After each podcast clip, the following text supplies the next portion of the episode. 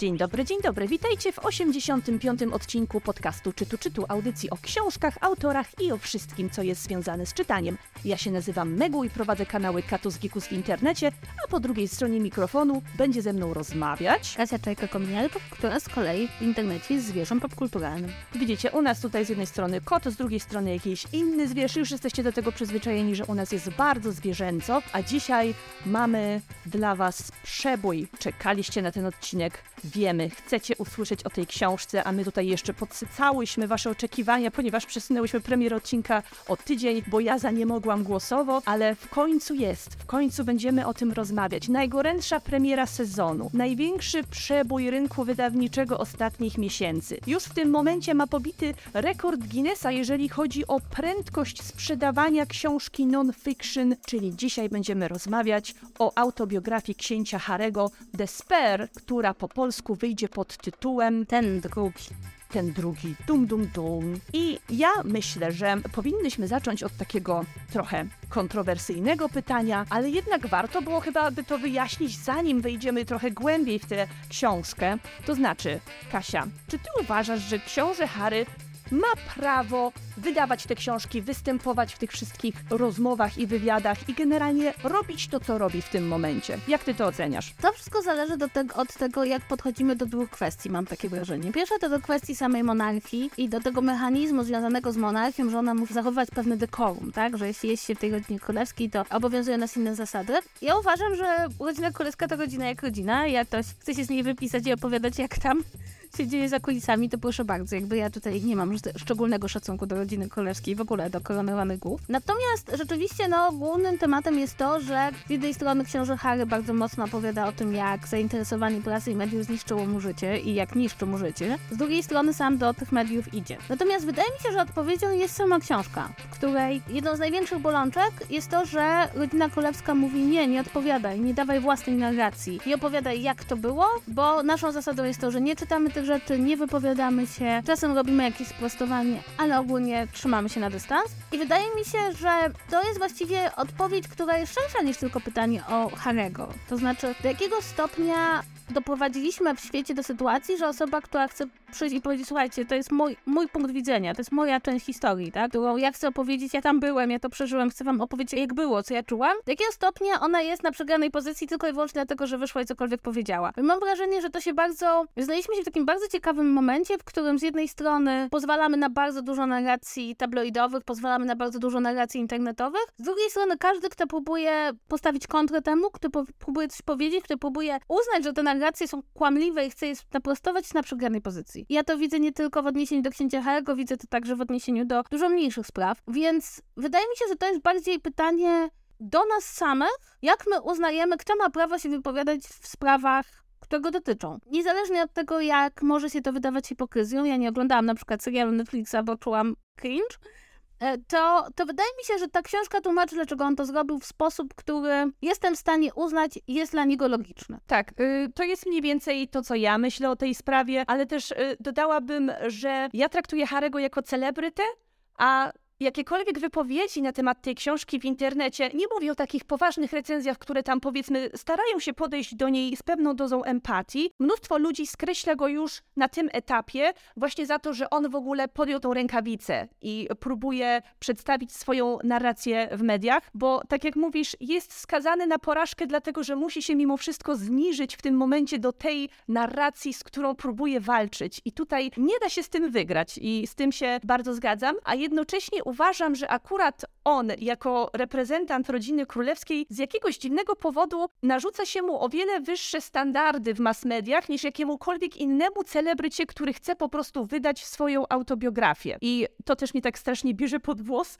a to dlatego, że ja mam bardzo mocno zakorzenione takie poczucie niesprawiedliwości, kiedy widzę, że moim zdaniem ktoś jest traktowany niesprawiedliwie, to jak tak mam ochotę stanąć w jego obronie, chociaż uważam, że formy, w której Harry się broni, jak między innymi ten serial Netflixa, jak ta książka, akurat serial Netflixa ja widziałam, więc mam tutaj e, porównanie, one nie są do końca udane i można było tam zrobić o wiele więcej innych rzeczy, które przedstawiłyby go w lepszym świetle opinii publicznej. Bo wiesz co?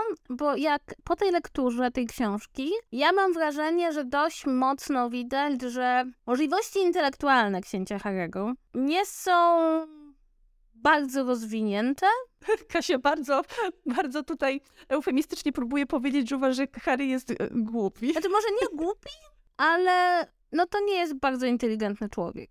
I wydaje mi się, że u niego jest jakby, przynajmniej ja go tak odbieram, nie? Że jest bardzo dużo szczerości i dobrych chęci, ale paradoksalnie jak na człowieka, który spędził całe życie w otoczeniu mediów, on nie do końca rozumie, jak z nimi grać. Tak, ale też chciałabym tutaj tak być ostrożna z tą opinią, z którą ja generalnie się zgadzam. Po, po lekturze tej książki myślę, że mnóstwo osób bez problemu wyciągnie podobne e, wnioski, ale tutaj bardzo łatwo jest wtedy pójść tą narrację, która tak mnie niesamowicie irytuje teraz w mediach, kiedy ktokolwiek mówi o Harym, że on jest zmanipulowany i on jest słaby, ponieważ ta zła kobieta przejęła nad nim kontrolę i to jest wszystko wina Megan i że to ona narzuca tematykę i to, jak on ma się wypowiadać. Więc od razu zaznaczam, że my tak nie myślimy.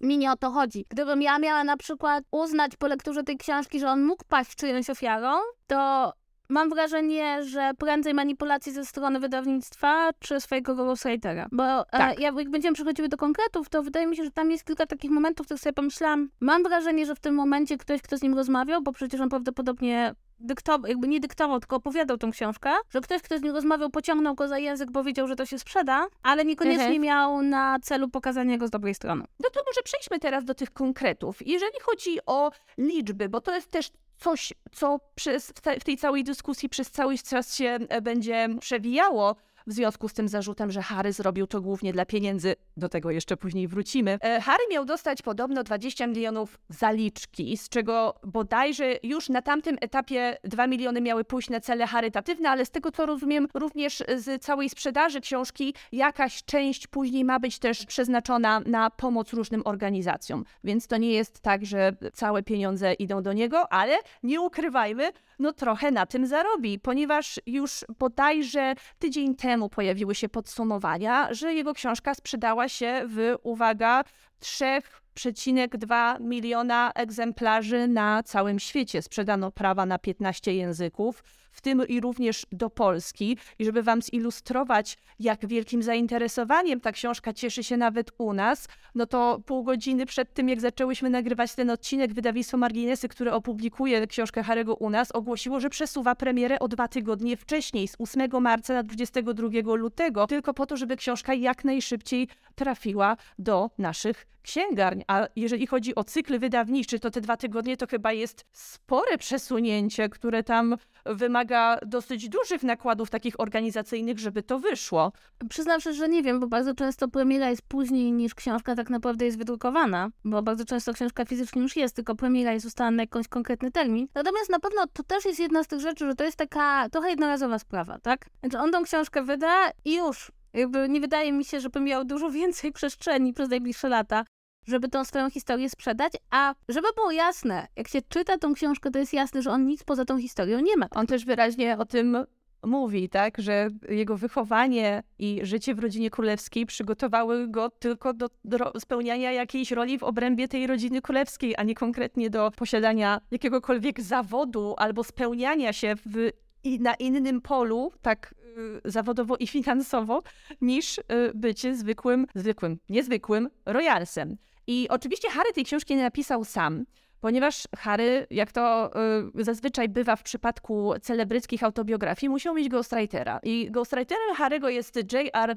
Moringer, Amerykanin i myślę, że to jest ważne, że to nie jest Brytyjczyk, tak? To nie jest osoba zanurzona w tej kulturze i w tym e, postrzeganiu rodziny królewskiej takim czołobitnym, ale to, co jest dla mnie dosyć zabawne, jest to, że to jest człowiek, który na początku lat 2000 dostał e, nagrodę Pulitzera za swoje e, artykuły prasowe. Tymczasem czytając biografię Harego, no no nie czuć tego, powiedzmy. Tak, to trzeba powiedzieć, że gdyśmy mieli tak językowo przeanalizować tą autobiografię, to przede wszystkim ona jest napisana bardzo prostym językiem. Ja uważam, że fragmenty spokojnie można byłoby dawać uczniom do nauki języka angielskiego. Ona jest napisana w taką niesamowicie irytującą manierą bardzo wielu, bardzo krótkich zdań, które na dodatek są tak rozstrzelone, żeby tą ewidentnie napompować też tą książkę, bo są całe strony złożone niemalże z pojedynczych zdań. Chociaż, chociaż z tego, co mówi Harry, wynika, że materiału na, na tą książkę on miał o wiele więcej. Sam manuskrypt miał mieć 800 stron, on to niby okroił o połowę, że także miałby materiał na jeszcze jedną książkę, ale podobno miał wyciąć te najbardziej kontrowersyjne e, rozmowy ze swoją rodziną, szczegóły z życia w rodzinie królewskiej, których naprawdę nie chciał użyć w druku. Tak, natomiast e, no, językowo rzeczywiście to nie jest książka porywająca. Miejscami wręcz jest, nawet nie ukrywajmy, bardzo zła. I to nie jest dobra literatura. To od razu powiedzmy, tak? Bywa tak, że czasem Tak, autobiografie tak. są dobrą literaturą. To nie jest dobra literatura. I widziałam, Guardian zrobił taki artykuł, który był cały napisany stylem tej książki. I to jest niesamowite, to się niesamowicie czyta. Ale też wydaje mi się, że to jak ta książka jest napisana, o tyle jest dobre w kontekście takiej autobiografii, czyli autobiografii celebryckiej, autobiografii, którą czyta się dla sensacji, że ona jest napisana tak, żeby każde, każda sytuacja wydawała się sensacyjna, każdy moment wydawał się przełomowy. I tam jest bardzo dużo takich, takich scen jak z telenoweli trochę. I one są tak Oj, ustawione. tak, bardzo. A y, w ogóle ja zwróciłam uwagę na to, że konstrukcja tej książki, ona jest podzielona na trzy części, ale y, ona zaczyna się, prolog, następuje w momencie, kiedy Harry przybywa do Wielkiej Brytanii na pogrzeb księcia Filipa. I to jest taka konstrukcja kla- klamrowa, że on zaczyna od tej, tego dosyć niedawnego wydarzenia, ale też na nim ta książka się oryginalnie przynajmniej miała kończyć. Tam potem jest jeszcze epilog z pogrzebu królowej Elżbiety dopisany, ponieważ doszło do niego pomiędzy napisaniem tej książki a publikacją. Ale dla mnie to jest takie. Ja mam wrażenie, że to zostało tak specjalnie napisane, żeby to mieć taką, żeby to miało taką filmową konstrukcję. Tym bardziej, że tam są wręcz zarysowane takie momenty, kiedy mamy dosłownie to przeniesienie się w czasie w przeszłość, bo on tam zaczyna od, y, od sceny, w której na tym pogrzebie swojego dziadka ma się spotkać z ojcem i z bratem i nie potrafi się totalnie z nimi porozumieć. Chce opowiedzieć im tą historię i liczy, że oni kiedyś tą książkę przeczytają i zrozumieją jego punkt widzenia, ponieważ wyraźnie dali mu do zrozumienia, że oni kompletnie go nie rozumieją i kompletnie nie rozumieją jego decyzji i tam jest, tam padają wręcz takie słowa, w których on zwraca się bezpośrednio do swojej rodziny on mówi, tato, Williamie, to może teraz przeczytacie. Oto moja historia. I teraz mamy y, cofnięcie się w przeszłość i cofamy się do, do, do, do przyszłości Harego i wtedy poznajemy całą jego historię. Tak. I, I to jest po prostu jakby przygotowane dla mnie pod przyszłą ekranizację. Tak, zdecydowanie. Ja to widzę. zdecydowanie, zwłaszcza, że tutaj wycięto to, co jest zbędne. To znaczy zaczynamy,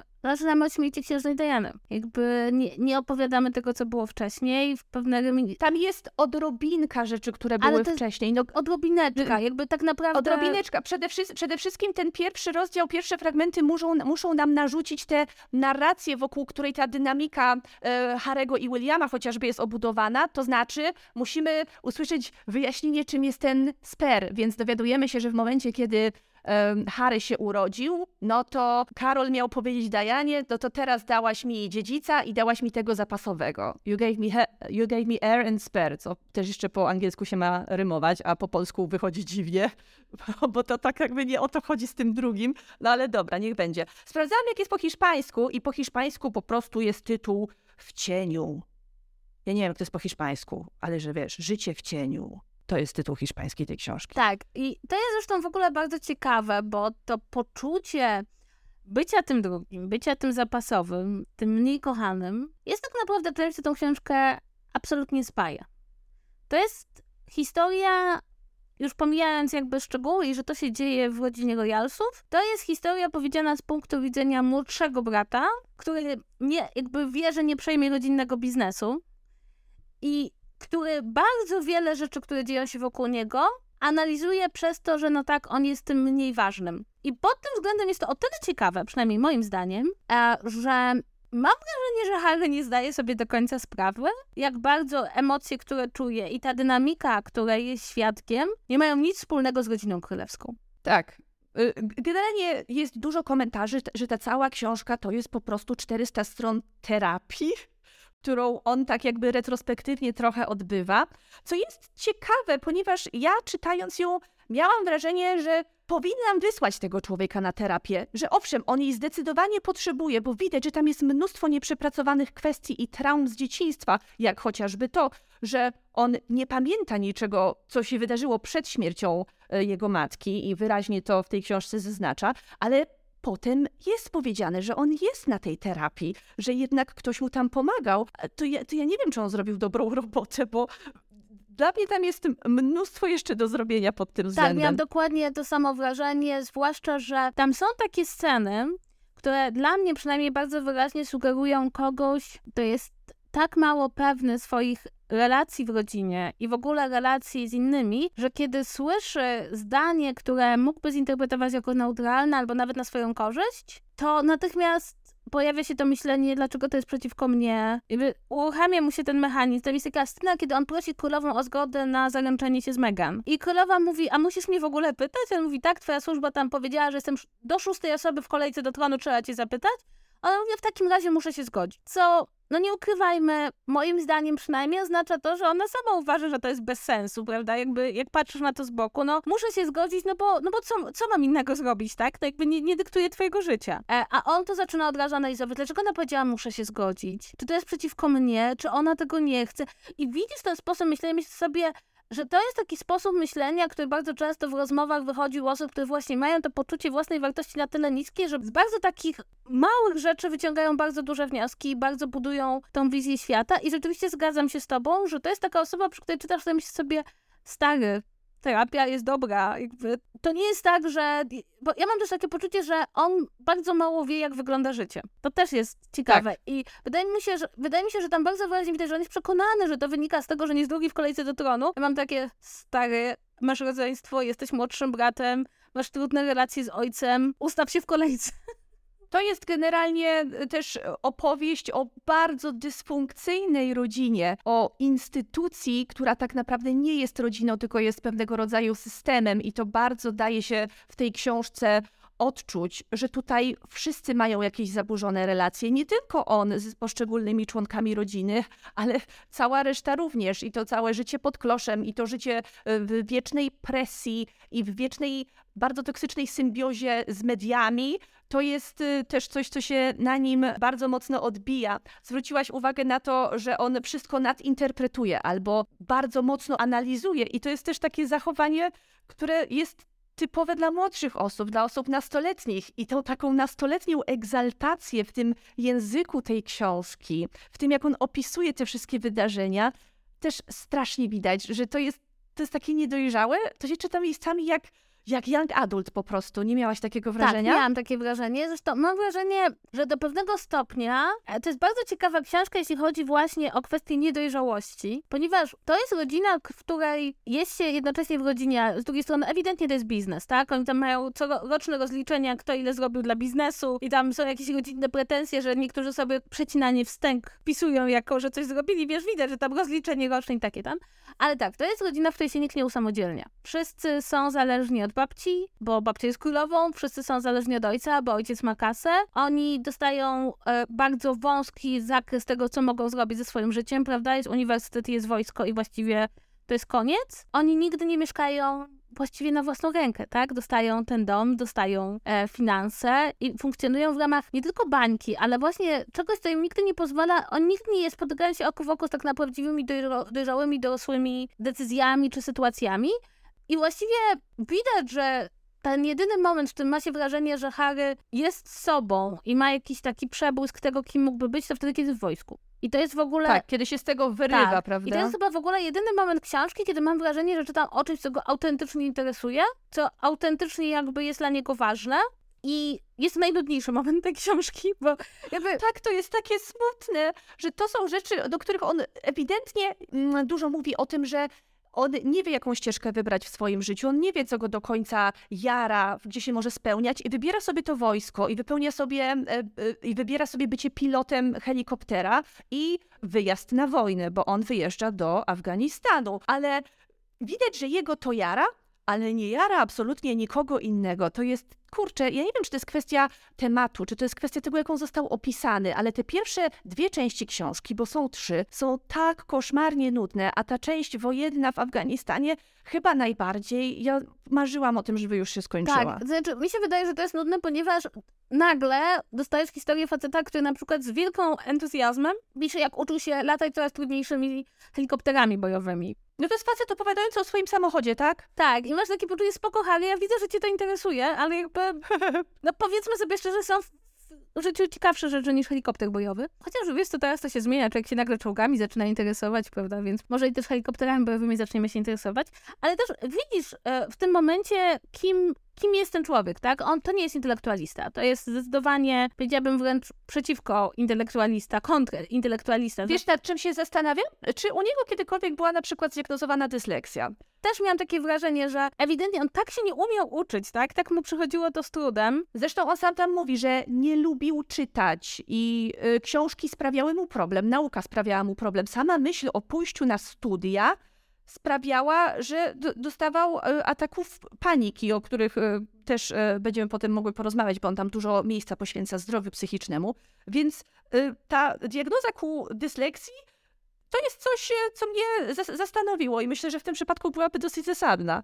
Jednocześnie bardzo wyraźnie widać, że jest to Rzeczywiście facet, który się doskonale nadaje do wojska i w sumie nie powinny nas to dziwić. E, tradycje wojskowe są w rodzinie królewskiej bardzo długie, plus jednak e, jego dziadek był takim wojskowym całym sercem, prawda? No, Filip bardzo mocno przeżył to, że nie może być dalej wojskowym, bo musi spełniać swoją rolę jako mąż królowej i to przecież była jego kariera. To nie jest dziwne, tak? Że on się w tym wojsku odnajduje, tak mi się wydaje. I wydaje mi się też, że e, to wojsko to jest taki jedyny moment, kiedy on na przykład, mam wrażenie, czuje jakiś związek z swoim ojcem, bo Karol przecież też był pilotem wojskowym przez pewien czas. Też jedyny moment, kiedy chyba się czuje lepszy trochę od Williama, tak? Bo William ewidentnie nie był facetem idealnie do wojska. No i wiecie, to jest też trochę tak, że kiedy się tak naprawdę zastanowimy nad tym, czym jest rodzina królewska, poza tym, że biznesem i poza tym, że firmą, no to to jest rodzina takich posiadaczy ziemskich, którzy jak czytamy o ich rozgrywkach, o tym, jak spędzają czas, no to głównie lubią być na dworze, tak? Jeździć konno, polować na zwierzęta, jeździć z tymi swoimi Land Roverami, jakby hodować psy. Jakby to są tacy ludzie, którzy są właśnie nie intelektualistami, tylko są właśnie tacy bardziej na świeżym powietrzu, sportowi, wiesz, te rzeczy. Aha. Więc ta jego kariera wojskowa tutaj to bardzo pasuje, prawda? To jest taka rzecz, która tutaj nie powinna nas dziwić, ale zgadzam się z tobą, że te dwie pierwsze części, kiedy on opowiada o swojej tej drodze szkolnej i opowiada o tej swojej karierze wojskowej, są przeraźliwie nudne, bo czytasz historię faceta, któremu się nic wielkiego nie przydarzyło, no może poza drobnymi albo troszkę większymi skandalami medialnymi. No nie no, i poza śmiercią A tak. matki, tak. która jest takim definiującym momentem jego życia. I Harry ani na moment nie pozwala nam o tym w tej książce zapomnieć. Ona, ta książka jest napisana tak, jakby ta, ta Diana przez cały czas nad nią wisi. I, po, I w tym temacie też tutaj widać mnóstwo nieprzepracowanych traum. Na przykład to, że Harry mówi, że od pogrzebu matki nie płakał tam do pewnego momentu swojego życia. Dopiero jakieś nowe osoby w jego życiu pozwoliły mu się na tyle otworzyć, żeby mógł pozwolić sobie na łzy. Ale jeśli chodzi o to, pod jakim względem ja się z Harem totalnie rozmijam y, w kwestii wrażliwości, i to jest coś, co mnie no, przepraszam, trochę mnie śmieszyło, jak czytałam y, tą autobiografię, to to, że on o Dajanie e, przez cały czas przywołuje Dajanę w takich sytuacjach. On myśli, że ona mu wysyła znaki non-stop, jakimiś randomowymi zwierzątkami i wszystkie jego wyprawy do Afryki, jakieś randomowe spotkanie lisa na drodze. Aż mi się fliwak przypomniał. On przez cały czas myśli, że mama mu wysyła znaki i to jest po prostu przekomiczne już miejscami.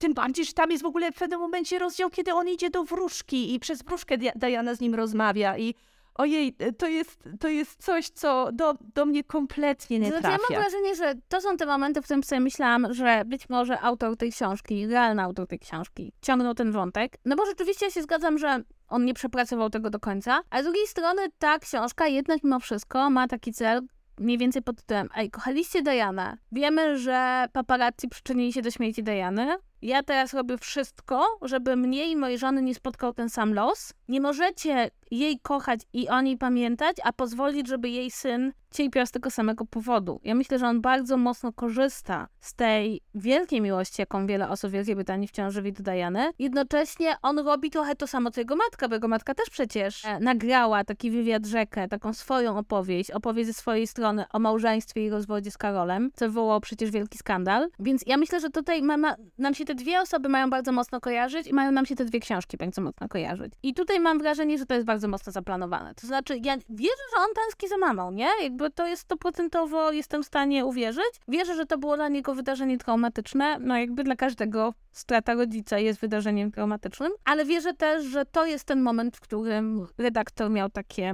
Harry, a może byś wspomniał o mamie. To jest ten po raz 56. To jest ten moment w tym tutaj dobrze, bo Diana też tak miała, nie? Sama śmierć Diany i to, jak do tej śmierci doszło, że doprowadziły do niej um, tabloidy i tam pościg dziennikarzy za jego matką w tym francuskim tunelu, to jest też ten motyw bez przerwy powracający w tej książce i Harry robi z niego taką osobistą krucjatę przeciwko mediom i widać w nim mnóstwo goryczy, dlatego że on wypomina mediom, że po śmierci jego matki waliły się w pierś i przepraszały za to, co zrobiły, i redaktorzy zapewniali, że już nigdy więcej nie dojdzie do takiej sytuacji, a jednak ta atmosfera zaszczucia i medialnego linczu, jaką urządzono e, Haremu y, i jego żonie, głównie jego żonie, mam wrażenie, to, ale to bardziej widać, jak się serial jeszcze obejrzy do tego. To też jest bardzo ważny składnik narracji tej książki. I myślę, że słusznie, bo to jest jedna z takich rzeczy, na której Harry może po prostu pokazać, że tak, to jest to miejsce, w którym powinniście mi współczuć. Tak, no ja powiem szczerze, że obraz tych mediów brytyjskich, chociaż nie tylko brytyjskich, ale zwłaszcza brytyjskich. Ale brytyjskie są bardzo specyficzne. One są, mam wrażenie, 10 razy bardziej jadowite niż nasze chociażby. Tak, e, to jest przerażające. To znaczy, już pomijając nawet samego księcia Harry'ego czy Meghan Markle, no to jednak mimo wszystko, to są rzeczy, które są porażające, że są że na nie pozwalamy i nic z tym nie można zrobić. Jednocześnie tam jest kilka takich momentów, w których po prostu człowiek się łapie za głowę, że jakby zdając sobie sprawę ze wszystkiego, co się działo w świecie mediów brytyjskich, no bo akurat gdzieś tam po drodze Harry wspomina o wydarzeniach, które pojawiały się w jego młodości i potem pokazuje, że kiedy wyszła afera News of the World, kiedy się okazało, że dziennikarze podsłuchiwali celebrytów i osoby znane, kiedy się okazało, że nie wiem, mieli dostęp do telefonu komórkowego zaginionej dziewczyny i na niego dzwonili, to zostawiali tam wiadomości, żeby dawać nadzieję jej rodzicom. I robili to w sposób po prostu absolutnie pozbawiony jakiejkolwiek moralności. Kiedy w końcu ten, The News of the World zostało zamknięte z powodu tych zarzutów. I kiedy my wiemy po prostu, już mamy wyrok, prawda, i wiemy jak działały te media, do jakich paskudnych i po prostu nie, niegodnych rzeczy się dopuszczały, to tu właściwie się nic nie zmienia. One funkcjonują dalej. Widziałam świetne zestawienia rzeczywiście nagłówków z Daily Mail, które po prostu szczuły na Meghan Markle. E, on też przywołuje artykuły, które powstały, tak? On, on nie, tutaj nie przywołuje artykułów, których się nie da sprawdzić, że one istnieją, tak? Można sprawdzić sugestie chociażby, nie wiem, siostry Borysa Johnsona dotyczące, nie wiem, wyglądu DNA, zaburzenia DNA rodziny królewskiej, tak? To są rzeczy, które możesz sprawdzić w internecie. Te teksty powstawały, tak? Tak, to jakiś komik z BBC wrzucający zdjęcie małpki e, z podpisem Harry z Meghan wychodzący z, mał, z, ma, z małym synkiem ze szpitala. To wszystko tam jest i to wszystko też było w serialu. Te zestawienia, jak te same rzeczy były pozytywnie przepokazywane u Kate, a jak były gnojone u Meghan Markle, jak jedzenie głupiego awokado. awokado. Tak. I to nie są, tutaj akurat można dużo rzeczy mówić i zgadzać się, czy nie zgadzać z Harem, ale on powołuje się na rzeczy, które możemy sprawdzić. Dokładnie. Tak. I tutaj, jak już możesz to wziąć do ręki, no to jedyna, jedyna osoba, która powinna się czuć winna, to każdy odbiorca tych mediów, tak? Bo, bo to jest niewątpliwie i co więcej, jak on opisuje ten stan, w które media wprowadzały Meghan Markle, tak, że ona po prostu się kompletnie załamywała, bo nie była w stanie jakby znieść tej ilości kłamstw. Ona miała myśli samobójcze, do czego, o, o czym ty też często opowiada. To ja się tego mu absolutnie nie dziwię. Absolutnie, dlatego że jakby jeśli, jeśli istnieje się w świecie, nawet jeśli jest się osobą znaną, to, to nie jest tak, że nie ma się żadnych, żadnych granic, tak? Co innego, kiedy ktoś powie, nie umiesz grać i możesz wtedy powiedzieć, ha, ha, ha nie umiem grać, a, albo jesteś brzydka, no to możesz powiedzieć, sam jesteś brzydki, tak? Akurat Meghan chyba może bez problemu powiedzieć, wiedzieć, że jak uznali jej za brzydką jest e, kłamstwem. Natomiast e, jeśli ktoś kolportuje kłamstwo o tobie, jeśli ktoś wykorzystuje twojego ojca i jakby bierze oskarżenia wobec ciebie od ojca, który ewidentnie chce na tym zarobić, to ja się nie dziwię, że to doprowadza do takich myśli. Jakby uważam, że wszelka argumentacja jest tutaj, że sama tego chciała, że są z godziny królewskiej, że to jest tylko... Jakby nie! Jakby, jeśli O jeśli Jezu, kłamiesz o tak. ludziach, jeśli rozpowszechniasz nieprawdziwe informacje, jeśli na kogoś szczujesz, to to jest twoja wina. Nie, jakby nie istnieje, nie istnieje taka pozycja na świecie, która pozwala o kimś kłamać i na niego szczuć. Znaczy, Tak, to, i to są takie uczucia, z którymi zostawia nas ta trzecia część, bo ją się rzeczywiście tak czyta z, z wielkim poruszeniem i z ogromnymi emocjami. I ja właśnie z takim nastawieniem skończyłam y, czytać potem y, tę y, książkę, kiedy wychodzą na jaw te wszystkie rzeczy, które pojawiały się w prasie. Nawet nie, że wychodzą na jaw, bo to jest tak, jak ty mówiłaś, i to jest coś, co mnie tak niesamowicie irytuje, bo ludzie specjalnie ignorują tę część tego, tej całej dyskusji, że ludzie kompletnie dają, że to jest problem, no he said, she said, że to jest, e, prawda leży po środku, każdy ma jakąś swoją wersję i e, tak naprawdę nigdy nie dowiemy się, jak było. No nie, dowiemy się, mamy to wszystko w prasie, to jest wszystko zakronikowane, możemy to sprawdzić, co pisano o nim, co pisano o niej, jakie okropne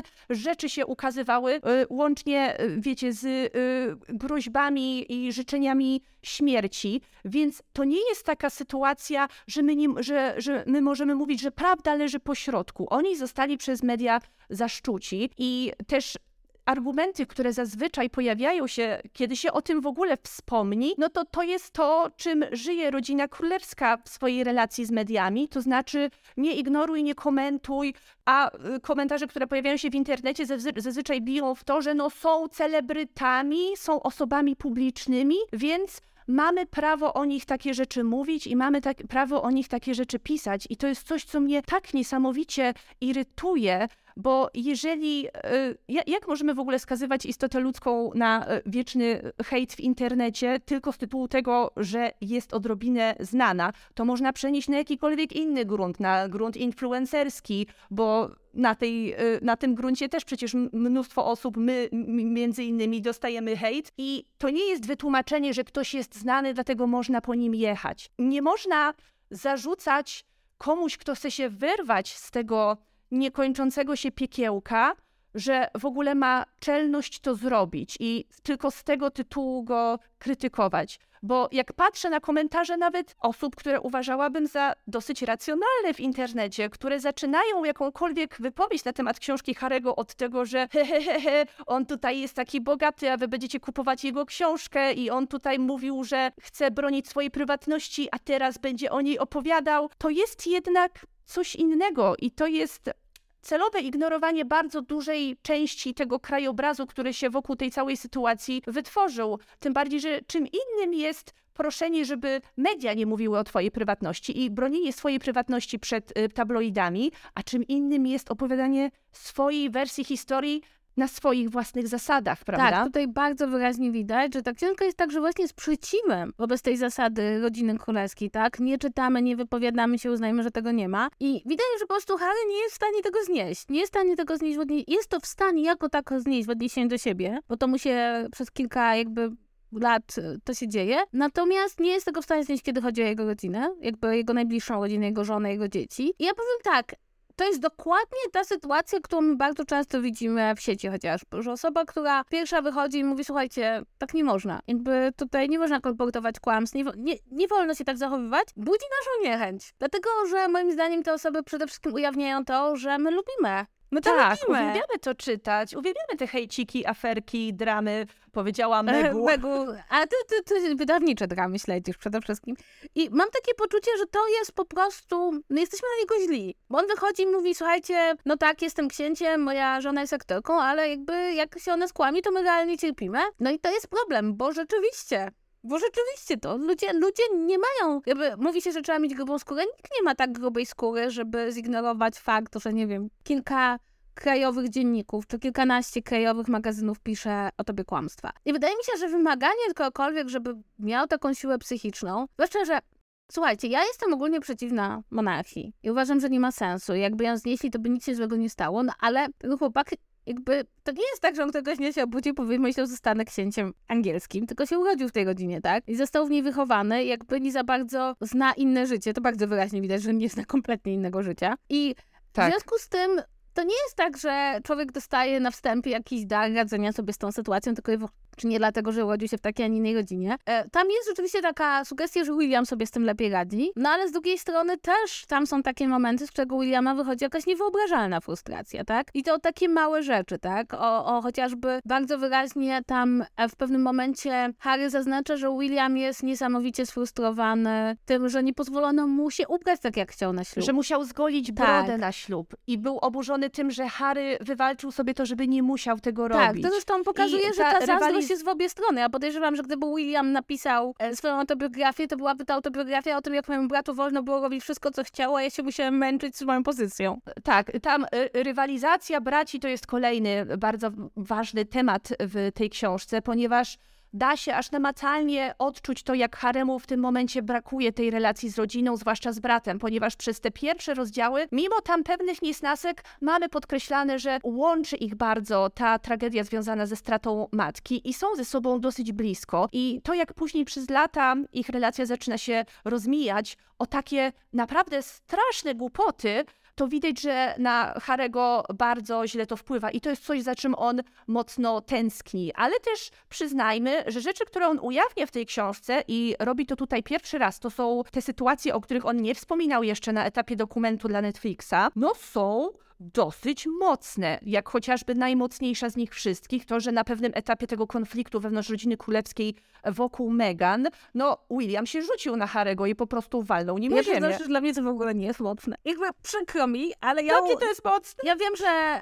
ludzie się nie powinni bić, ale to są bracia. Ja nie mówię, że każda, każde jakby uderzenie jednej osoby przez drugą jest okej, jeśli to jest rodzeństwo i wiem, że jest mnóstwo przemocy i patologii, ale w tym momencie miałam takie poczucie, że mam wrażenie, że to nie jest do końca to samo, gdyby się pobiło dwóch zupełnie obcych facetów i wydaje mi się, że, że rodzeństwa funkcjonują trochę inaczej, zwłaszcza bracia i że takie rzeczy się zdarzają. Natomiast rzecz, która jest dla mnie bardzo ciekawa i a propos takich rzeczy, przy których mam, e, mam wrażenie, że bardzo chciałabym poznać perspektywę drugiej strony, ponieważ osobą, która wypada koszmarnie w tej książce jest Kate Tak. koszmarnie. Ona wypada jako taka niewyobrażalnie sztywna, bardzo zasadnicza, niesłychanie taka, wiecie, no, taka brytyjska i królewska w najgorszym tego słowa znaczeniu osoba. Bo ona jest bardzo mocno skontrastowana y, w tej narracji z Meghan, która przez to, że nie może się odnaleźć w rodzinie królewskiej, jest taka bardziej ludzka, bliżej nas, a Kate się bardzo dobrze w tej rodzinie królewskiej odnajduje. I wiemy, że tak nie było, bo ona też miała z tym problemy na początku. Jej prasa też dojeżdżała, nie tak jak Meghan, ale jej dojeżdżała na początku. Ale rzeczywiście wypada turbo sztywno, po prostu kij w dupie do czoła. Tak, no, tak. I teraz jestem bardzo ciekawa, bo tam jest taka moja ukochana scena po prostu, gdzie okazuje się, że one się pokłóciły o to, że Kate o czymś zapomniała, a Megan jej powiedziała, że ma baby brain. No bo rzeczywiście tam tuż He. po urodzeniu dziecka, że hormony. I to straszliwie ubiedło Kate, ale nie tylko dlatego, że tamta zasugerowała, że ona przez hormony oczywiście pamięta, ale przede wszystkim, że one nie znają się tak dobrze. I to jest taki moment, w którym masz takie poczucie, że z jednej strony myślisz sobie, Boże drogi Kate, zluzuj, a z drugiej strony sobie myślisz, a może to one, a może jakby dobrze byłoby poznać też tą drugą stronę. I wiesz, ma, masz takie wrażenie, że w tych momentach, kiedy on opisuje spotkania z Williamem i Kate, to to z niego wychodzą takie typowe. To czujesz, że wiecie, jak czasem ktoś do was z rodziny dzwoni i chce się na kogoś pożalić, nie? I ma taki swój długi monolog. Tak, to jest ten poziom dram. To są po prostu takie rodzinne przekomarzanki o takie pierdoły. To są takie głupoty, o które oni się tam przekomarzają. I to fakt, że to trafia do biografii jako dowód na to, że między nimi były konflikty, to jest dla mnie coś nie tak. Bo gdybym ja pisała kiedyś swoją autobiografię, to ja bym na tym etapie stwierdziła, że a mój Boże, ale to było głupie. Nie będę o tym pisać, ponieważ to jest coś, co zdarza się w każdej rodzinie i bardzo trudno jest to wytłumaczyć tak, żeby racja była po mojej stronie. Ale wiesz co, mi się wydaje, że Harry w ogóle w tej książce nie umie odróżnić prawdziwych, takich fundamentalnych konfliktów, takich ideologicznych, takich życiowych, charakterologicznych od y, pierdółek.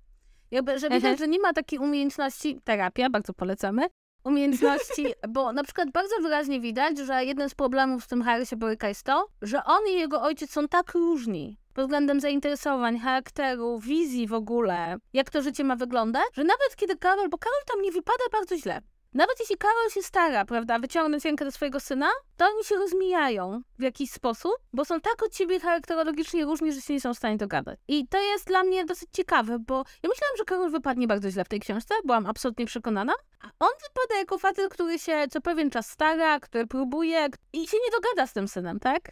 To, to nie jest po prostu. I wydaje mi się, że jest bardzo. I patrząc na tę relację, z kolei miałam takie poczucie, że kurczę, jest wiele takich relacji rodzinnych, tak? Że to w ogóle nie jest rodzina królewska, że jest bardzo wielu. No tutaj Karol jest pokazany jako intelektualista, jako taki człowiek, prawda, który woli, żeby syn napisał do niego list niż dzwonił. A, ale z tym pisaniem listów to wiesz, że to tak nie było, to nie wynikało tylko według książki z jego y, za, zamiłowania e, do sztuki epistolarnej, tylko że to jest potem przywoływane jako dowód na to, że potrzebował mieć coś na piśmie, żeby móc to przekazać prasie i przez to wypaść lepiej. Ale ja mam wrażenie, ja mam wrażenie, że to już Harry ma to, totalną paranoję. To znaczy, on, to znaczy, widać, że to jest chłopak, który tak dużo myśli o tej prasie, że już dosłownie wszystko, co jego rodzina robi, on patrzy przez pryzmat PR-u. Mam wrażenie. Ale też nie da się ukryć, że y, ta relacja rodziny królewskiej, taka pasożytnicza, czy tam symbiotyczna z mediami, gdzie media zapewniają im rozgłos i ciągłą rozpoznawalność wśród poddanych w zamian za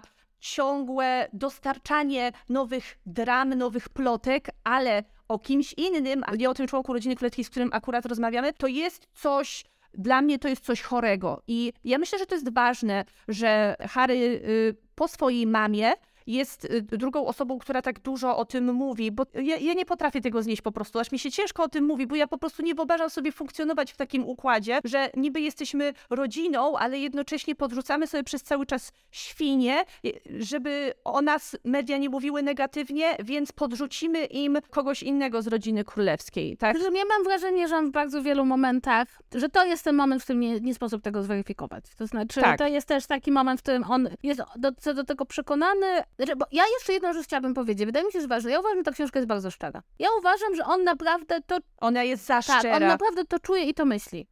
Że to nie... Ja, ja nie miałam takiego wrażenia, że ona jest może pod względem formalnym w jakiś sposób wystudiowana, natomiast nie pod względem treści. To znaczy, ja mam takie wrażenie, Aha. że on tu jest bardzo szczery. Powiem ci, w którym momencie ta szczerość jest najbardziej uderzająca. W tym, w którym wychodzi, że on kompletnie nie zdaje sobie sprawy, jak niewyobrażalnie jest uprzywilejowany. On się w żadnym miejscu tak naprawdę za bardzo nie, znaczy, nie tyle nie kryguje, on w ogóle chyba nie dostrzega, tak? Znaczy on tam na przykład co chwilę lata do Bostwany, bo i do Afryki, bo kocha Afrykę i opowiada, jak jest cudownie w tej Afryce. W ogóle nie przy... widać, że nie przychodzi mu do głowy, że jakby to nie jest tak, że wszyscy latają za chwilę do Afryki. On opowiada, że się strasznie wstydził zaprosić dziewczynę do, do tego swojego, do tej swojej cottage, tak? Ale tak naprawdę wszystkie jego domy to są domy, jak, jak on ma, nie mieści się w w swoim jednym domu, to dzwoni do babci i mówi, potrzebuje większej posiadłości, dostaje większą posiadłość. Kiedy na przykład tam są te kwestie związane z tym, że on to założył ten nazistowski mundur, czy potem jak wyszło, że nazwał swojego kolegę pakistańczyka Paki, to wychodzi na to, że on kompletnie w ogóle nie zdaje sobie z niczego sprawy. Jakby ciekawe, bo on cały czas podkreśla na przykład poszliśmy do Williama, do jego domu i tam były takie meble i tyle książek w muzeum, a u mnie są meble z a Ikei. A on takie, Harry, naprawdę sobie nie zdaję sprawy. I powie... A, ale wiesz co, to, to, to jest ciekawe, bo wydaje mi się, że gdyby wydawnictwo chciało pójść mu na rękę i chciało działać na jego korzyść, to to są te momenty, w której redaktor powiedziałby, że kurczę, może byśmy trochę to stonowali. Wytnijmy ten moment, przepiszmy ten moment, żebyś nie wychodził bądź co bądź na buca. A oni tego nie robią, ponieważ Penguin Random House im to jest na rękę. Ale i, i, i to jest ta kwestia, która mnie niesamowicie dziwi w przypadku tej książki. To jest książę Harry. Facet, który zarobi na tej książce mnóstwo pieniędzy, który ma mnóstwo zasobów do tego, żeby przedstawić się w niej w jak najlepszym świetle, żeby podsunąć ten manuskrypt komuś od PR-u, kto by mu to ocenił, czy to się nadaje do publikacji, czy wypadnę źle, czy może jednak sam pod sobą wykopię dołek. I widać, że tutaj nie zrobiono czegoś takiego, również między innymi dlatego, że ja mam wrażenie, że ta książka nie miała żadnego fact-checkingu. To, że tam wyszła ta akcja z PlayStation, że on miał dostać w 97 od swojej mamy już Xboxa. swojej śmierci na urodziny, a miał dostać Xboxa, który wtedy jeszcze nie istniał i nikt tego nie sprawdził. Jeżeli wejdzie się na stronę Wikipedii tej książki, to tam jest cała strona poświęcona tym nieścisłościom, które potem dziennikarze byli w stanie wyłapać, a nikt tego nie wyłapał przed publikacją. Rzeczy typu takie, co się dało sprawdzić spra- w prasie, e, że na przykład Harry tak naprawdę był w zupełnie innym miejscu, kiedy o czymś opowiadał, albo że dowiedział się czegoś z zupełnie innego źródła niż napisał to w książce. I nikt tego nie sprawdził. A można było to zrobić i wtedy postać Harego, taka medialna, ta PR-owa, wypadłaby o wiele lepiej. Tak, zgadzam się z tobą absolutnie, ponieważ to jest ciekawy przykład książki, której autor nie wypada za dobrze. Jakby to dosyć moim zdaniem dobrze oddaje po prostu, jaka to jest niesamowita bańka, tak? Jakby kiedy, kiedy się o tym myśli. Natomiast on też nie wypada, no właśnie, on nie wypada jako intelektualista. On tam kilka rzeczy odkrywa gdzieś tam po drodze. No takich faktów, które większość osób jednak zna. Znaczy, ja powiem szczerze, ja straciłam zaufanie do edukacji w Eton po tej książce.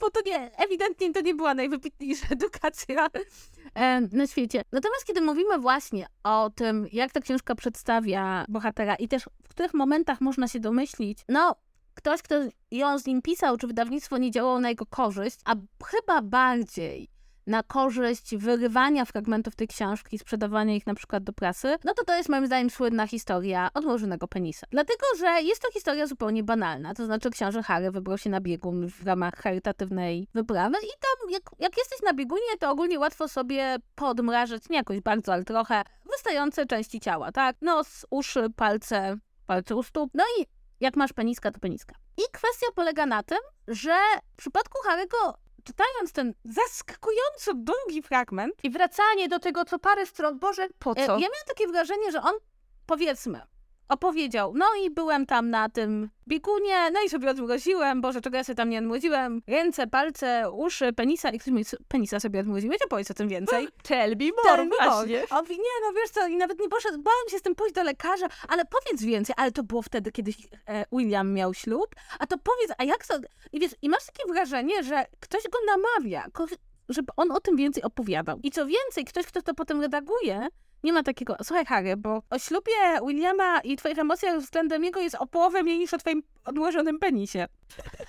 Wydaje mi się po prostu, tak, tak myślę, o, myśląc o tym, że to jest taki typowy właśnie element, że oni wiedzieli. Oni wiedzieli, że to jest coś, co się idealnie sprzeda. Ja nie uważam, żeby Harry był jakąś wielką ofiarą, tylko raczej, że ludzie, którzy pracowali nad tą książką, wbrew temu, co może się Harrymu wydawało, nie mieli jego interesu na względzie. Zdecydowanie. Ma się to wrażenie, odczuwa się je tym bardziej mocno, kiedy spojrzy się na nagłówki, które zaczęły się ukazywać jeszcze przed premierą tej książki, kiedy właśnie fragmenty, i uwaga, robię tutaj króliczki palcami, wyciekły do prasy. Chociaż ta książka miała być, y, wiecie, tak strzeżona jak y, ostatnie części Harry'ego Pottera. I oczywiście całe publicity wokół tej książki i cała medialna narracja zaczęła się obracać tylko i wyłącznie wokół tego penisa i wokół tego nieszczęsnego kremu, którym on miał go sparować, myśląc jednocześnie, że zapach przypominał matkę. Przepraszam. Nie mogę. Ale, ale to jest ewidentnie celowe działanie, żeby jeszcze bardziej podbić baz wokół tej książki i to było skuteczne. Tylko, że też ja bym nie chciała, żebyśmy sprowadzali całej rozmowy y, wokół tej biografii tylko i wyłącznie do tych y, bardzo sensacyjnych nagłówków, bo tam jest więcej. To nie jest, wiecie, to nie jest najlepsza aut- autobiografia na świecie. To nie jest świetna porcja literatury, tak żeby dać się za nią, żeby umierać za nią na tym wzgórzu, ale warto zaznaczyć, że to nie jest książka o odmrożonym penisie Harego i jeżeli ktoś chce ją przeczytać, to znajdzie tam o wiele więcej treści. Nie zawsze super ciekawej, nie zawsze napisanej w porywający sposób, ale jednak bardziej konkretnej. Tak, i wydaje mi się, że, no bo oczywiście jest mnóstwo osób, które uważają, że no czytanie o royalsach i w ogóle o przedstawicielach rodziny królewskiej nie ma sensu, że dlaczego poświęcamy uwagę osobom z rodziny królewskiej, ja to rozumiem. Ja sama uważam, że ta książka jest dosyć dobrym przykładem na to, że no właśnie, tak jak ty mówiłaś, że to jest jakaś taka toksyczna relacja pomiędzy mediami, a pomiędzy celebrytami w ogóle, bo ja się zgadzam, że tutaj on występuje w roli celebryty. Dla mnie jednak poruszająca jest ta ostatnia część, nie dlatego, że porusza mnie to, że to jest Harry i Meghan, raczej że doprowadziliśmy w ogóle do takiej przedziwnej sytuacji, tak? W świecie medialnym, w świecie internetowym, gdzie z jednej strony mamy zasady mówiące o tym, jak chronić osoby przed zniesławieniem, kiedy zniesławienie można, można się bronić w sądzie, zresztą tam jest jeden moment, w czym Meghan się broni w sądzie, tak? Chyba bodajże jak Ona wygrała, wygrała ten ten proces. proces. Natomiast z drugiej strony nasze prawo ewidentnie nie nadąża za tempem fabrykowania fałszywych informacji i rzeczywiście tym medium się opłaca, po prostu im się opłaca. No i opłaca im się dlatego też, że to ludzie czytają i to wszystko się ze sobą składa, w związku z tym mam takie poczucie, jeśli ktoś bardzo lubi czytać plotki o Harem, a nie chce przeczytać jego biografii, To to jest dopiero hipokryzja, prawda? tak, i zgadzam się też, że jest coś takiego przedziwnego, tak? W tym, że rzeczywiście, tak jak mówiliśmy na początku, wyśmiewamy kogoś, kto ma taką silną potrzebę opowiedzenia swojej historii z własnej perspektywy. Ja kogoś, I ja mogę, mogę uważać, że sobie robi krzywdę tym samym, bo żyjemy w takim świecie, w jakim żyjemy. Ale ja go rozumiem, tak? Jakby jest w człowieku potrzeba wyjścia i powiedzenia, słuchajcie, nie, to, to było inaczej. Wysłuchajcie mojej wersji. Możemy w nią nie uwierzyć, tak? Natomiast wydaje mi się, że ta potrzeba opowiedzenia, słuchajcie, to było tak, ja tam byłem, tak? Was tam nie było. Ja jestem to w stanie zrozumieć. I, i myślę też, że takie wyciąganie właśnie, tak jak mówiłaś, tylko tych fragmentów, które są najbardziej sensacyjne, no pokazuje, że się nie da wygrać. I tak. że jest to być może no. szersza przepowiedź, tak? Że się nie da wygrać. Znaczy, że, że Harry nie jest w stanie wygrać z tą narracją, nie jest w stanie w żaden sposób przekonać ludzi, że, no właśnie to, co powiedziałaś, tak? Że chronienie własnej prywatności nie jest tym samym, co dopuszczanie, żeby tylko inni tworzyli o tobie narrację. A to mu bardzo przeszkadza i to od dawna, bo tam on jeszcze wspomina czasy, kiedy był w Eton, kiedy się pojawiały y, jakieś tam fałszywe historie na jego temat i kiedy on strasznie chciał je sprostować. I mu mówili, nie, nie wolno, to nie ma sensu, my nie prostujemy takich rzeczy.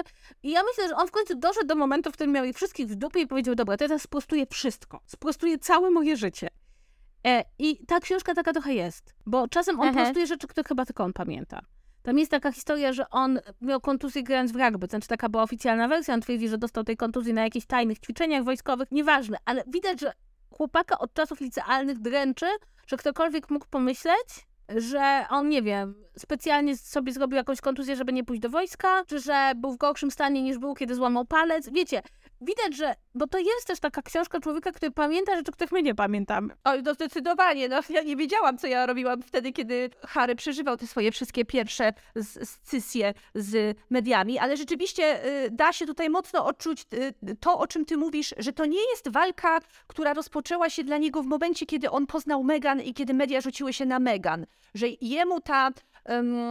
ta ciągła obserwacja mediów przeszkadzała już dużo wcześniej i, I jest to też y, bardzo mocno związane z tym, jak zginęła jego matka i jak media przez cały czas, przez całe życie traktowały jego matkę. Dlatego uważam, że to jest strasznie nieuczciwe, jak niektórzy komentatorzy w mediach do tego podchodzą, że uznają, że to jest status quo.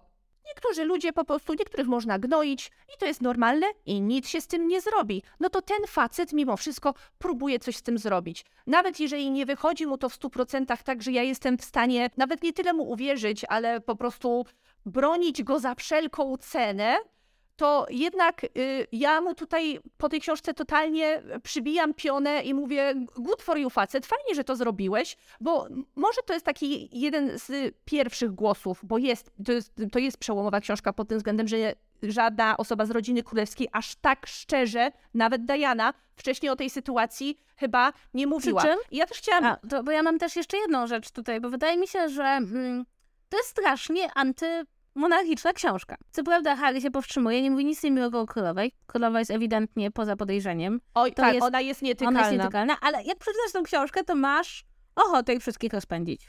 Jakby to nie jest książka, która mówi monarchia jest wspaniała i w ogóle cudownie i ten, tylko masz takie na zasadzie rozejdźcie się. Jesteście toksyczną grupą, która krzywdzi kolejne pokolenia osób. Rozejdźcie się. I, I jakby ja nie wiem, czy Harry to chciał, ale jeśli chciałby kogoś namówić do rozwiązania godziny królewskiej, to po tej lekturze jest łatwiej. On tam właśnie wypowiadał się w mediach, że jego celem wcale nie jest zniszczenie monarchii, wbrew pozorom. Dlatego e, manuskrypt został o połowę skrócony, ponieważ w tej części, która wyleciała, było o wiele więcej takich antymonarchistycznych rzekomo rzeczy. On mówi, że dojrzał do pewnych refleksji. On nie wypowiada się jednoznacznie za tym, że e, uważa, że monarchia powinna zostać albo że e, powinna zostać usunięta, ale e, z tego co pamiętam, on to tak zostawia do rozważenia czytelnikowi i zadaje mu właśnie takie pytania naprowadzające. I że jeżeli chce sobie nad tym pomyśleć, no to, no to czytelniku pomyśl sobie nad tym, biorąc pod uwagę to wszystko, co tutaj powiedziałem. Ale też chciałam się jeszcze odnieść do jednej rzeczy, do takiego jednego też e, zarzutu, który przy okazji biografii Harego bez przerwy się pojawia i są to te pieniądze.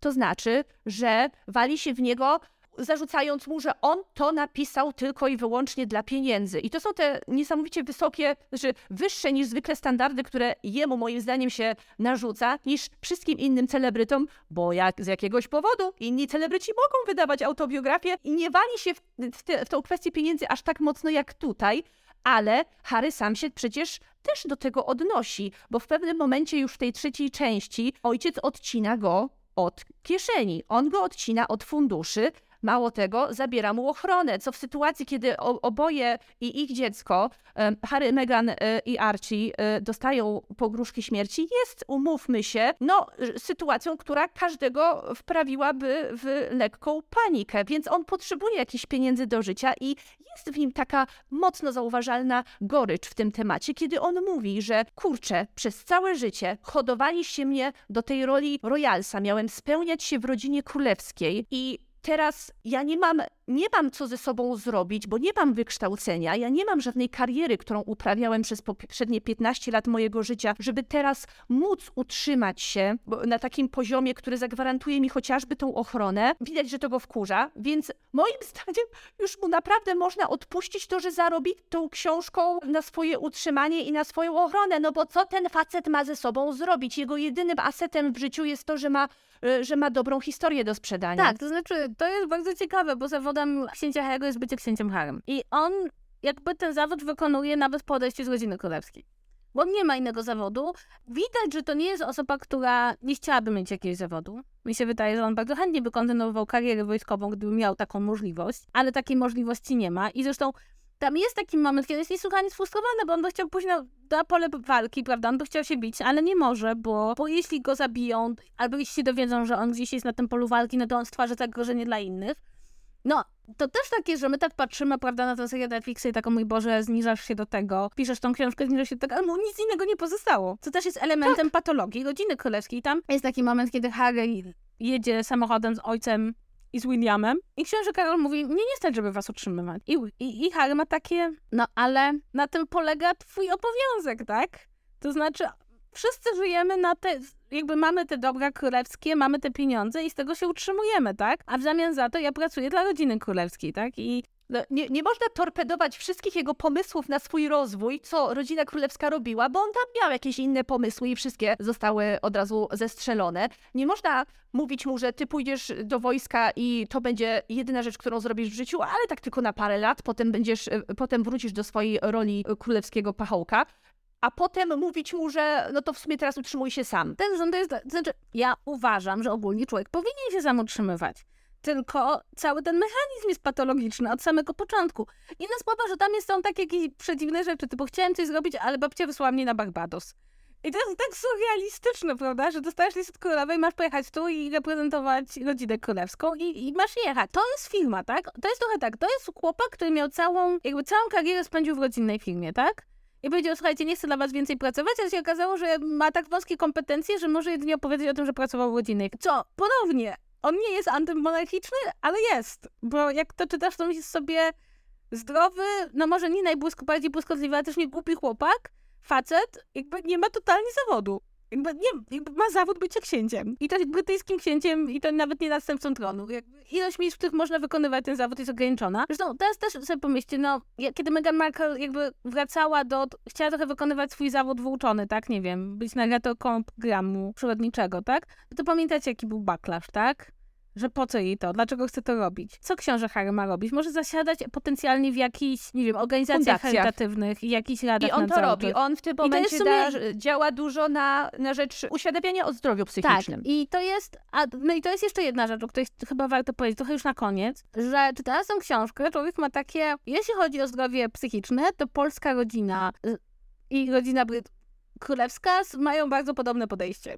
Ale tutaj bym chciała zauważyć jedną rzecz, bo to jest właśnie coś, co wyszło przy okazji tych wszystkich sprzeczności, które tej książce się zarzuca. To znaczy, w mediach e, była ta historia, że Meghan prosiła o pomoc psychologiczną, kiedy miała myśli samobójcze i odmówiono jej tego. Powiedziano jej, że ma sobie poradzić z tym sama. Tymczasem Harry tutaj pisze, że normalnie był w terapii, będąc jeszcze członkiem rodziny królewskiej i nikt mu tego nie zabraniał. Więc to jest takie, kurczę, no, coś tu jest niejasne.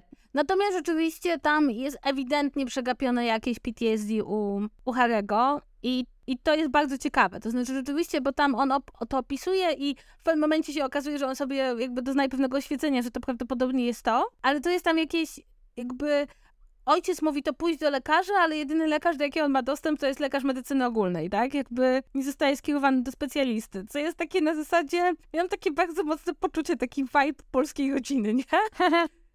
um, więc, więc to jest ciekawe, nie? Że tutaj on w końcu dostaje tą pomoc i w końcu idzie do terapeutki, więc jakby nie wiem, czy to jest prawda, czy nie, ale chyba jest prawda, nie? Mam wrażenie, że chyba by sobie tej terapii nie wymyślił, ale że ona mu była potrzebna wcześniej. Ogólnie to jest jakby smutna książka. To znaczy, to jest smutna książka i ja wiem, że mnóstwo osób nie lubi czuć współczucia wobec osób zamożnych czy sławnych i spokojnie, czytając tą książkę, czerwony sztandar sam się w kieszeni otwiera i zaczyna powiewać.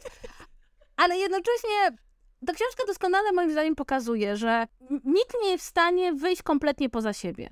I jeśli jesteś jednostką, która czuje pewne rzeczy, która pewne rzeczy przeżywa, którą pewne rzeczy bolą, to, one, one będą dla ciebie najbardziej prawdziwe, jak się da. To nie jest coś takiego, że ktoś jest w stanie powiedzieć obiektywnie, mieszkam, moja babcia ma pas, który ma 50, 50 pokoi, w związku z tym wszystko jest okej, okay, tylko jeśli mieszkasz w tym pałacu, który ma 50 pokoi, to masz takie, dlaczego babcia dała mi słaby pokój, który jest na końcu korytarza i jest daleko od wszystkich, czy babcia mnie nie kocha? I, dla, i to czujesz, że to dla niego jest prawdziwe, że on nie jest w stanie wyjść obok. My stojąc obok możemy powiedzieć, Harry, twoja babcia ma 50 pokoi w swoim pałacu i jest królową brytyjską. Natomiast dla Harry'ego to jest babcia i on nie wie, czy ta babcia nie traktuje go gorzej. E, nie ma poczucie, że brat ma do niego ciągle pretensje ma poczucie, że nie jest się w stanie dogadać ze swoim ojcem i że nikt go nie rozumie, tak? I to jest prawdziwe i przy całym jakby moim poczuciu, że powinniśmy rozmawiać o przywileju i powinniśmy sobie zdawać z niego sprawę, nie da się wyjść poza bycie samym sobą. Dla mnie o tym jest ta książka, tak naprawdę, gdybym miała zebrać te Aha. wszystkie tematy, że książę Harry nie jest w stanie nie być księciem Harrym, kiedy opowiada o księciu Harrym. A przy okazji przez cały czas pozostaje też człowiekiem i to jest coś, o czym wszyscy, a zwłaszcza chyba ci, którzy przez cały czas po nim jadą, y, powinni pamiętać. Y, tak jak mówiłaś, zgadzam się z tym, że ostatecznie wymowa tej książki jest bardzo smutna. Trzecia część to jest ten moment, kiedy najpierw się wkurzasz, a potem zostaje ci już tylko ten smutek, ponieważ masz dobitną świadomość tego, że jednak napisawszy ją, moim zdaniem on tak naprawdę na zawsze przekreślił jakąkolwiek możliwość pogodzenia się z tą rodziną. O, że tutaj już jest pies pogrzebany i tego się nie naprawi. Zresztą ja bym w ogóle powiedziała, oj, pewnym przykładem na to, że ta książka jest pisana w takim dosyć psychicznie niestabilnym e, momencie życia Harego, jest to, że on wydał ją teraz. On po prostu wszystkie swoje asy wyrzucił do mediów w jednym momencie. E, w ciągu dwóch lat byli u Opra, udzielili kilku innych wywiadów, wypuścili ten bardzo szczegółowy serial Netflixa, a teraz parę miesięcy później wychodzi znowu jego książka, więc to jest takie patrząc z perspektywy tego konfliktu rodzinnego, to jest po prostu ciągle walenie z armaty, non-stop, na nowo. I zastanawiam się, czy nie powinien był jednak odczekać parę lat z tą autobiografią, żeby trochę opadły w nim te emocje, żeby jeszcze raz przemyślał niektóre sprawy, żeby to mu dawało jakąkolwiek furtkę na to, żeby jednak z tym bratem, który, nie wiem, wydaje mi się, że jest większa szansa na porozumienie tutaj e, i z ojcem jeszcze się jakoś e, dogadać, ale w takiej formie, jak zostało przeprowadzone tutaj, że to wszystko się skumulowało w ciągu dosłownie paru miesięcy, te wszystkie medialne rewelacje, no to ja mu szczerze współczuję, bo ojej, mi, i mi też jest osobiście smutno z tego powodu, że ja tam nie widzę szans na, na jakiekolwiek zażegnanie konfliktu. Nie, ja też nie. Być może, być może to też o to chodzi trochę, bo znaczy, powiem tak, dla, dla mnie to jest dowód na to, że tam z jednej strony jest kalkulacja, no bo nie, nie, nie robi się serial dla Netflixa, nie wydaje się autobiografii, nie mają żadnej kalkulacji, a z drugiej strony to nie jest bardzo dobra kalkulacja, tak? To znaczy, to jest właśnie mhm. taka... Ja myślę, że pod tym względem strasznie przypomina księżnę Dianę. Bo ona to zrobiła dokładnie że... to samo. To znaczy, wyrzuciła całą tą swoją historię bardzo szybko, kiedy ona się jeszcze działa. Jej się udało jakby kupić miłość, znaczy jakby wygrać. Ludzie stanęli po jej stronie, no, bo to był ten taki konflikt, w którym rzeczywiście łatwiej było jej kibicować. Natomiast wydaje mi się, że, że Harry ma na to mniejsze szanse. I już zresztą to widać, są przeprowadzane takie sta, y, sondaże, chyba wśród Brytyjczyków głównie, no bo to y, oni są tutaj tym punktem głównym zainteresowania i poparcie dla Harego od zeszłego roku o, niesamowicie spada. W tym momencie już chyba prawie 70% respondentów ocenia go negatywnie. I y, to, co on robi w mediach. Tak, no też trzeba przyznać, że on się wpisuje w jakąś taką powracającą historię e, w rodzinie królewskiej, czyli mamy, mamy mężczyznę, który zakochuje się w amerykańskiej rozwódce i to jest najgorsza rzecz, która może przydarzyć się rodzinie królewskiej. E, inna sprawa jest też taka, że podejrzewam, że jeśli rzeczywiście weźmiemy pod uwagę e, to, co robi mm, rodzina królewska, czyli właśnie tą toksyczną relację z mediami, to im ten Harry jest bardzo potrzebny, tak? Bo wszystkie negatywne emocje przechodzą na Harego, a William staje się z każdym miesiącem, prawda, coraz lepszym potencjalnym następcą tronu z tą swoją Kate, która spokojnie urodziła trójkę dzieci, nie robi żadnych afer, oni już zapomnieli, jak strasznie po Kate jeżdżono, jak bardzo sugerowano, że wzięła ślub z Williamem wyłącznie dla kasy, że po prostu to jest na rękę wszystkim. Zresztą w ogóle tak na marginesie, jeden z takich motywów, który się tam pojawia i też mi się wydaje ciekawy, jest to, że gdzieś tam po drodze Harry spotkał dużo dziewczyn, które by się bardziej nadawały. Prawda, byłyby lepsze potencjalnie, żeby być jego partnerkami, pochodziły z bliżej z tej klasy społecznej, w której on jakby można było, można było sobie lepiej wyobrazić, że się z nimi zwiąże i żadna z nich nie wytrzymała presji związanej z obecnością mediów. On tam jakby bardzo wyraźnie mówi, tak, że trzy razy był taki moment, że mogłoby być coś z tego więcej, ale nie, ale jednak ta obecność ciągła mediów była zbyt silna i wydaje mi się, że wizja, że się ożenił z aktorką, która już była do tych mediów choć trochę przyzwyczajona, wydaje się tutaj całkiem logiczna, tak? To znaczy jest bardzo mało osób na świecie, które jest w stanie wytrzymać nawet to wstępne zainteresowanie mediów. Aha. Tak, y, zdecydowanie.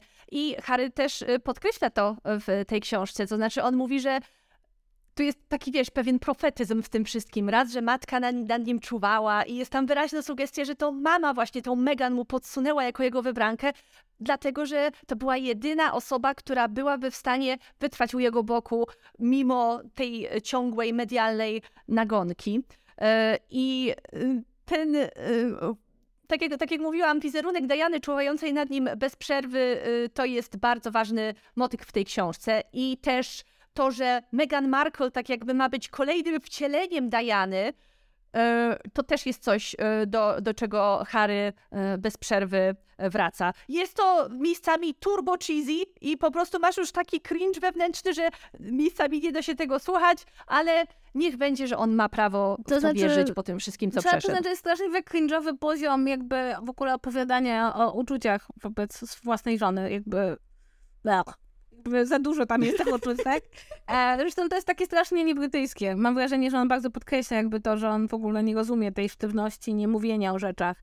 Sama ta Meghan Markle tam wypada w sumie bardzo sympatycznie. No, jest widziana oczyma męża, w związku z tym mam wrażenie, że nie jest najobiektywniejsza. Chociaż jest jej tutaj też o wiele mniej tak. niż w serialu. Zresztą w serialu ona wypowiada się sama, tak? Więc to myślę, że na podstawie e, tych materiałów wideo można sobie wyrobić o niej e, inne zdanie niż to, to, to czołobitne uwielbienie, które jest w tej jest po prostu niesamowite. Natomiast mój ukochany wątek to jest po prostu jak książę Harry jakby po, podrywanie kobiet przez książę, księcia we współczesnym świecie polega na tym, że zobaczył ją na Instagramie u kogoś i potem napisał do koleżanki, kim jest ta dziewczyna i czy dostanie numer.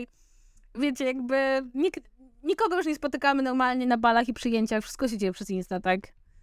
Ale to jest bardzo ludzkie. Nie, tak? nie mi się to akurat, mi się to akurat spodobało, nie? Po prostu na zasadzie ładna dziewczyna w tle, muszę się dowiedzieć, jaki ma numer. E, więc tak, myślę, myślę, że tak, że jeśli się zdecydujecie na lekturę tej książki, to ona z jednej strony jest dużo mniej sensacyjna niż rysują media, bo tam się przez większość nie dzieje nic, o czym byśmy już nie wiedzieli i, te, i nawet te najbardziej sensacyjne sceny czy konflikty, o których opowiadają media, tak naprawdę są drobiazgami, tak?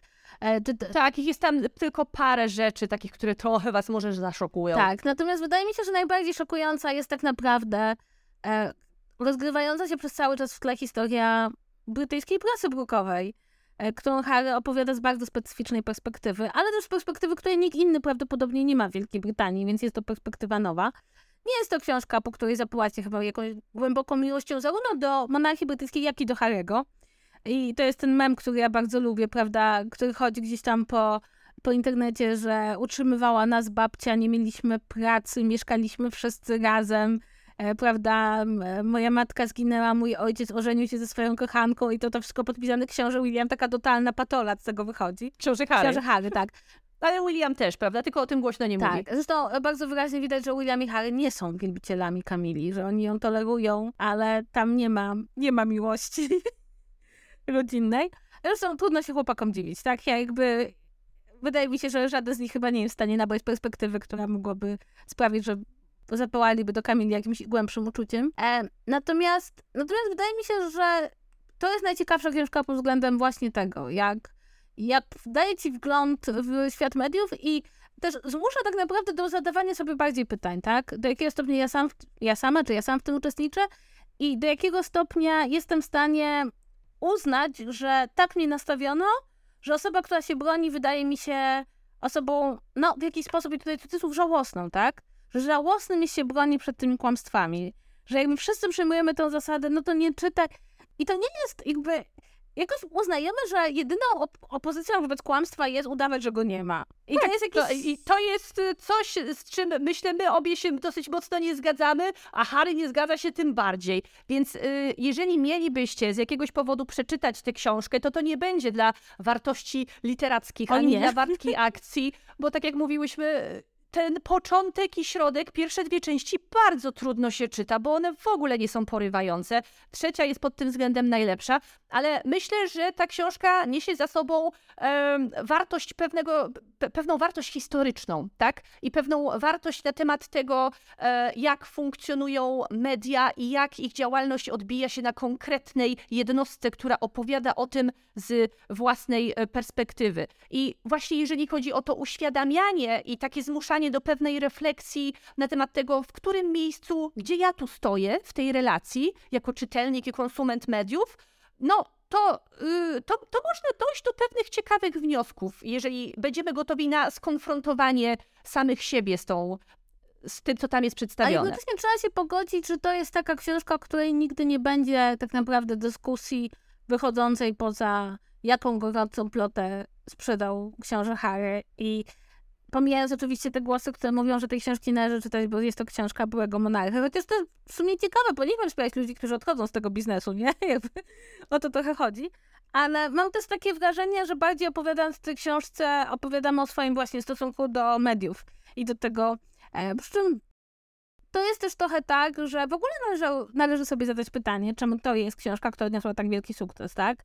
Że w świecie, w którym po śmierci królowej tyle osób rozmawiało o tym, że może monarchia jest nam niepotrzebna, nagle się okazuje, że my tak straszliwie jesteśmy przyzwyczajeni do plotkowania tej rodzinie, do gadania tej rodzinie, że my tak strasznie chcemy wiedzieć, o czym oni rozmawiają w tych 50 pokojach tego pałacu Balmoral, że to jednak nadal budzi naszą taką niesamowitą wyobraźnię, jakby to byli jacyś nadludzie, jakby ich życie było o tyle inne. I że jak czyta się tego Harry'ego, to masz takie, ja pierdolę, jaka nudna rodzina, nie? Bo to jest nudna rodzina posiadaczy ziemskich. E, I wiecie, ja, naprawdę, jak ja to czytałam, to miałam takie, no, no, cała ta dynamika tej rodziny. W niej nie ma, bo też mi się wydaje, że często ma jakieś poczucie, że to jest jakieś bardziej mistyczne czy inne.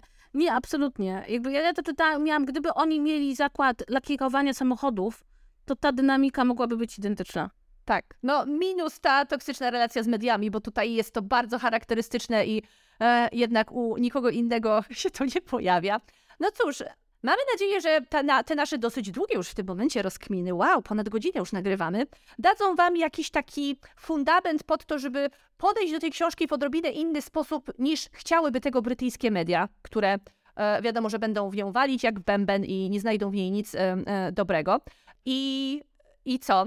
Nie wiem, czy możemy zakończyć zachęceniem do tego, żeby, żebyście ją kupili, bo nie przeczytanie absolutnie nie zmieni waszego życia, ale jest to rzeczywiście gorący temat i będzie się e, ta książka rozchodziła w tysiącach egzemplarzy również i u nas, więc wiemy, że niektórzy z Was po nią sięgną, a jeżeli wolicie zakończyć tylko i wyłącznie na naszych rozważaniach przedstawionych w tym odcinku, to też możecie. Tak, nikt tego nie sprawdza. Tak, nikt tego nie sprawdza, chociaż właśnie wydaje mi się, że fajnie jest, jeśli już przeczytacie o tej książce w mediach, to fajnie jest jakby poszukać, nie musi to być nasza recenzja, ale poszukać jakiegokolwiek tekstu, który nie jest tylko prze, przedrukiem uwag o odmrożonym penisku, nie? Jakby, że, żeby wyjść poza tą narrację, bo wydaje mi się, że to przynajmniej to przynajmniej się na, należy, żeby to była jakaś dyskusja w przestrzeni publicznej, tak? Żebyśmy, żebyśmy się nauczyli też rozmawiać bo mam wrażenie, że my kompletnie umiemy rozmawiać o rzeczach, które nie są dobre, wybitne. Rozumiesz, o co mi chodzi? Że, że ta rozmowa jest taka bardzo spłaszczona.